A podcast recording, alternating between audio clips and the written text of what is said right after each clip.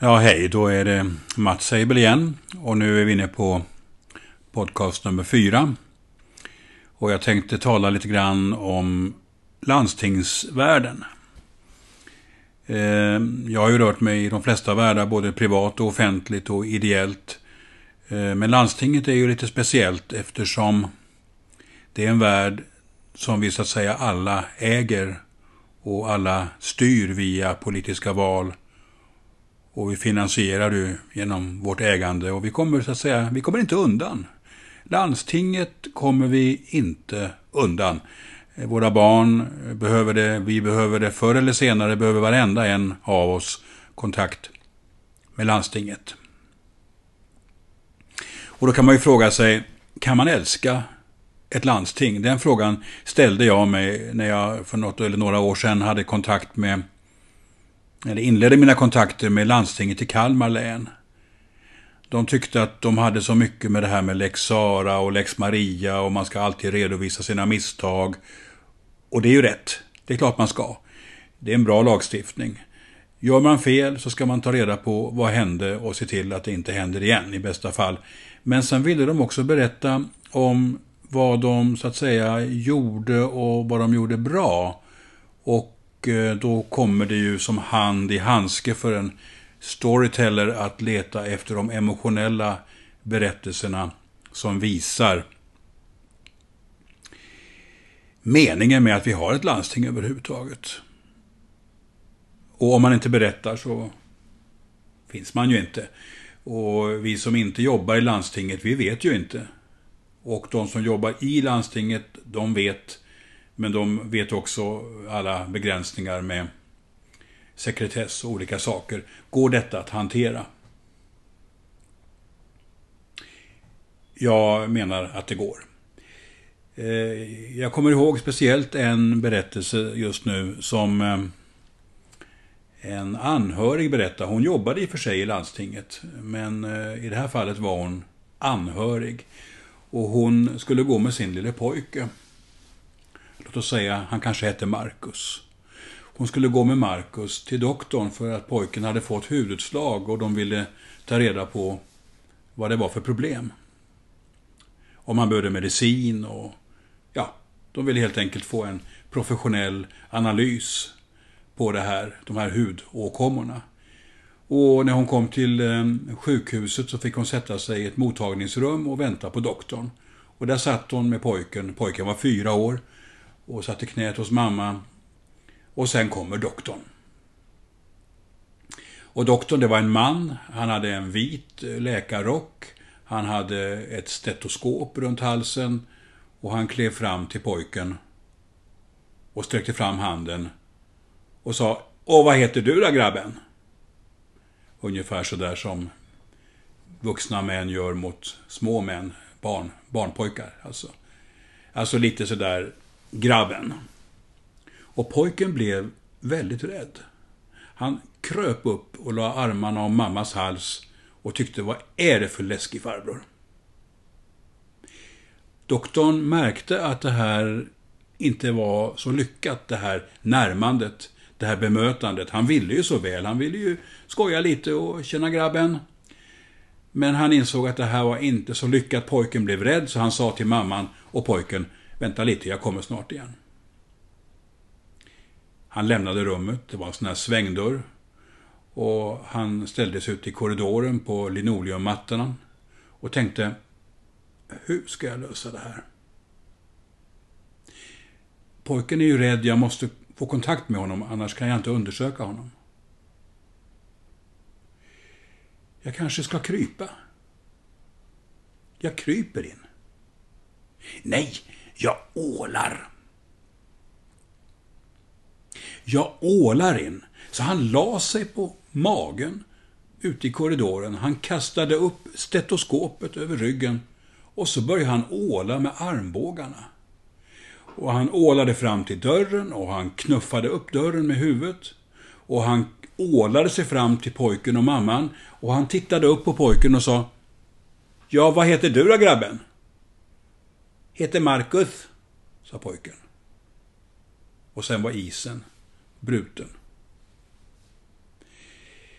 Det där är ju en ehm, berättelse om bemötande. Det är en gullig barnhistoria, men det är inte det viktigaste, tycker jag, med den. Utan den visar ett bemötande. Vi alla människor ska bemötas och om vi berättar om sådana här bemötandelösningar så kan vi ge varandra tips, eller kanske snarare dem på insidan. Och om de på insidan av landstinget berättar för oss, då får vi respekt för deras kompetens. Och då blir vi mera mogna och benägna att vara med och styra och ställa och berätta och betala vår skatt. Eftersom skatten är en förutsättning för hela verksamheten. Sådana där berättelser hittade vi hela tiden när vi höll på där i landstinget i Kalmar. Det finns gott om sådana här berättelser och egentligen behöver man bara samla gruppen. Eh, man, jag håller ofta då en inspirationsföreläsning och sen så går jag lite på lite grann och säger så här, händer det att du blir berörd i ditt arbete? Och i så fall, vad är det som gör dig berörd? Blir du arg? Blir du stolt? Blir du glad? Får du en kick av att du har lärt dig någonting viktigt? Det händer oss ju hela tiden. Eh, alla människor får såna här kickar, alltså där det finns ett före och ett efter. Och då blir ju min fråga förstås som storyteller, eller egentligen borde jag säga storyteller, story listener. Vad var det som hände? Och då kommer ju den här berättelsen ifrån mamman med pojken och den ålande doktorn. Och man kan gärna kalla det för den ålande doktorn, för att det handlar inte om vad hette, vad hette doktorn, när var det, vilken klinik, var det sjukhus, var det vårdcentral? Det spelar ingen roll. Utan det enda som betyder någonting ur ett storytelling-perspektiv, det är vad var det som hände? Och sen för oss människor som har barn eller kommer i kontakt med barn eller har haft barn som numera är vuxna och vi har själva varit barn, så är det en väldigt tacksam scen. Barnet, doktorn, mamman. Den är nästan lite arketypisk och det är så det är med berättelser. Det är en mycket bra koncept i den berättelsen. Och den kan helt enkelt sprida eh, emotionellt ljus över landstinget. Det här kunde kanske ha hänt i ett annat landsting och det spelar egentligen ingen roll. Eh, nu var det i landstinget i Kalmar. Och därför är det en berättelse från landstinget i Kalmar. Och kanske kan den höja värdet på det varumärket och kanske kan den fungera för att locka till sig bra medarbetare, få respekt hos medborgarna, minska skattekverulansen. Jag minns en annan berättelse från landstinget i Kalmar. Det var en sjuksköterska som berättade, det tog henne bara en minut. Hon berättade att hon jobbade på en, på en mottagning på, jag tror att det var på ett sjukhus i landstinget i Kalmar. Och hon hade tidigare jobbat på intensiven, men nu var hon mera som på en, på en mottagning där hon fick ta emot olika patienter. Och så kommer det in en man och hon ska ta lite uppgifter om honom, lite fakta och lite eh, information och lite personnummer och vad det nu kan vara. Eh, och eh, hon ställde frågor men han svarade inte. Hon tyckte det var lite konstigt. Vad är, vad är det med honom? Varför svarar han inte? Men så sa han, istället för att svara på hennes frågor, så sa han Dig har jag letat efter i tio år. Då tyckte hon att det här var ju lite magstarkt. Vad menar han med det? Har han letat efter mig i tio år? Hon undrade, vad är nu detta? Sen berättade han att han hade haft en hjärtinfarkt för tio år sedan. Och han hade kommit akut in på sjukhuset. Och där hade han legat och varit helt säker på att han skulle dö. Då hade hon jobbat på intensiven som sjuksköterska och hon hade känt, märkt att han hade dödsångest. Och då hade hon hållit honom i handen. Det var egentligen allt hon gjorde under en del av den perioden. Hon höll honom i handen och då kunde han lugna ner sig lite grann. Och han kunde ta sig igenom den här ångestsituationen. och nu träffade han henne igen. Dig har jag letat efter i tio år. Och som hon själv sa, den här sjuksköterskan, jag gjorde ju egentligen bara mitt arbete. Och så är det ju. Det är inte alltid man upplever och förstår i sin arbetssituation vad det innebär. Jag gjorde egentligen bara mitt arbete och det här sker hela tiden. Och när jag kommer ut så säger jag Åh, vilken story! Och då får jag höra Tycker du? Det händer hela tiden. Men ur ett storytelling-perspektiv så är de här små berättelserna om verkliga händelser, de är rena guldkorn. Det är ett kulturkapital som befolkar varumärket landstinget, i det här fallet landstinget Kalmar län. Och om de berättar dem så använder de sitt berättarkapital. Det är det det handlar om. Det är det som är hela tanken. Människan behöver berätta. Och i de organisationer som vi befinner oss i. Och det här är ju ganska uppenbart om vi skulle läsa berättelser om andra folkgrupper, låt oss säga i Afrika eller Sydamerika, eller hur det var i Sverige, det gamla bondesamhället på 1700 och 1800-talen. Då tycker vi att de där berättelserna är viktiga och självklara. Och det är de ju. Men vad vi kanske glömmer ibland är att historien har inte stannat. De här berättelserna finns mitt ibland oss, här och nu. Och om vi tror på det, är vi då intresserade av att leta efter dem och kanske finna dem och kanske skörda dem och sätta dem i arbete? Om svaret är ja, då kan man till och med säga att landstinget måste bli en mer berättande organisation. Och det här gäller ju också relationen mellan personalen i landstinget och klienter och patienter av olika slag. Även klienter och patienter har ju sina egna berättelser och det var lite grann det det handlade om här. Du höll mig i handen när jag hade ångest. Det är en patientberättelse.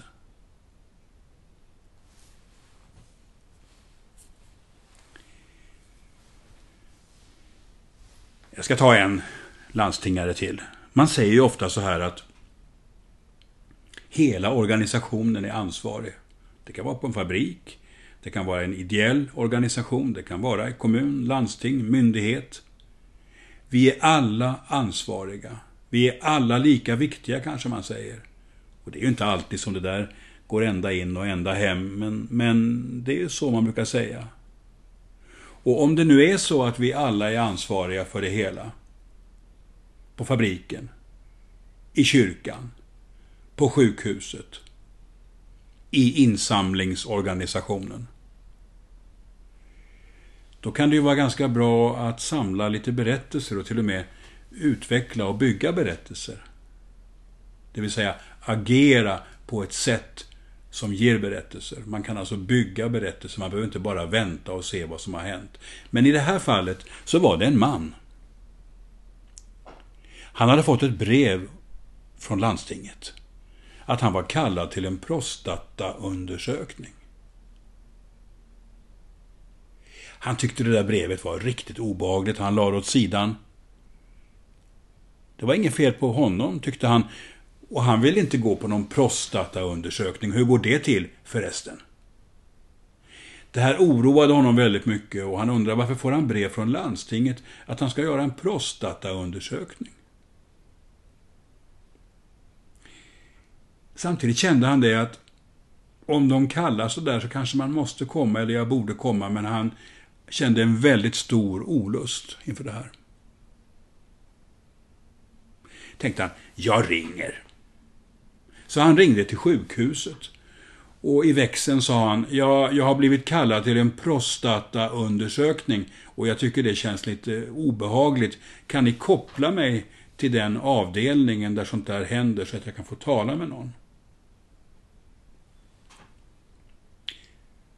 Ett ögonblick, sa de i växeln, och han blev kopplad. Och då svarade någon som sa Tompa!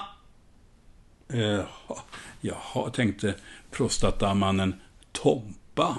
Är det så doktorn svarar nu för tiden? Jo, sa, sa han, jag har blivit kallad till en prostataundersökning och jag skulle vilja ha lite information. Jag känner, in, jag känner mig orolig. Jag tror inte att jag har någon större lust att komma.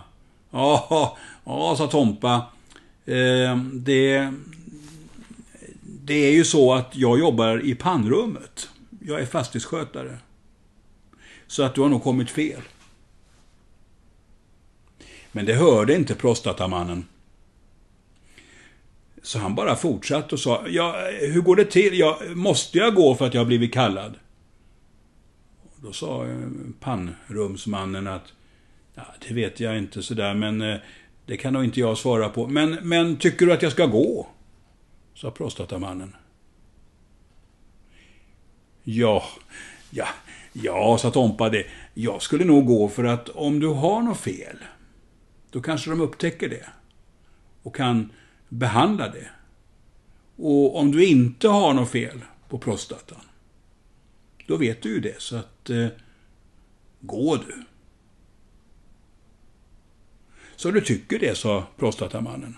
Ja, det tycker jag. Jag tycker du ska gå, sa pannrumsmannen.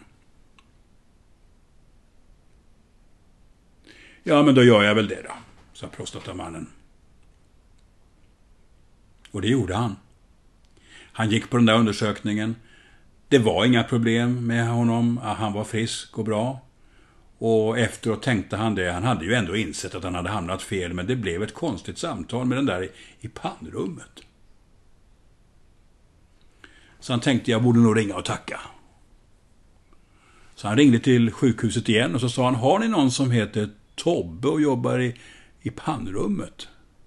Jo, ja, det har vi. Ja, kan ni koppla mig till honom? Tobbe! Ja, tjena Tobbe, det är prostatamannen. Ja, men tjena, hur gick det? Ja, det gick bra. Jag, jag hade inga problem med prostatan och det var ju det jag trodde. Ja, men det var väl bra att du gick, sa Tobbe. Jo, sa prostatamannen. Du, brukar ni fika där i, i, i panncentralen och så? Ja, ja, jo, vi fikar förmiddag och eftermiddag. Eh, kunde jag få skicka en eh, tårta kanske? För att jag är väldigt glad för att du fanns där när jag behövde. Ja, dig eller någon som lyssnar på mig. Ja, det kan du väl göra, sa Tobbe. Och så skickade prostatamannen en tårta. Jag vet inte om det stod prostatamannen på det, men jag tycker att det är ett exempel på att alla är en del av den stora tjänsten.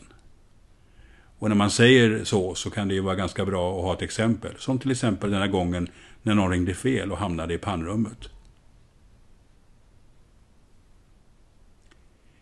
Ja, det var lite tankar om det där med landsting och berättelser och exempel på hur det kan vara. Vi hörs snart igen.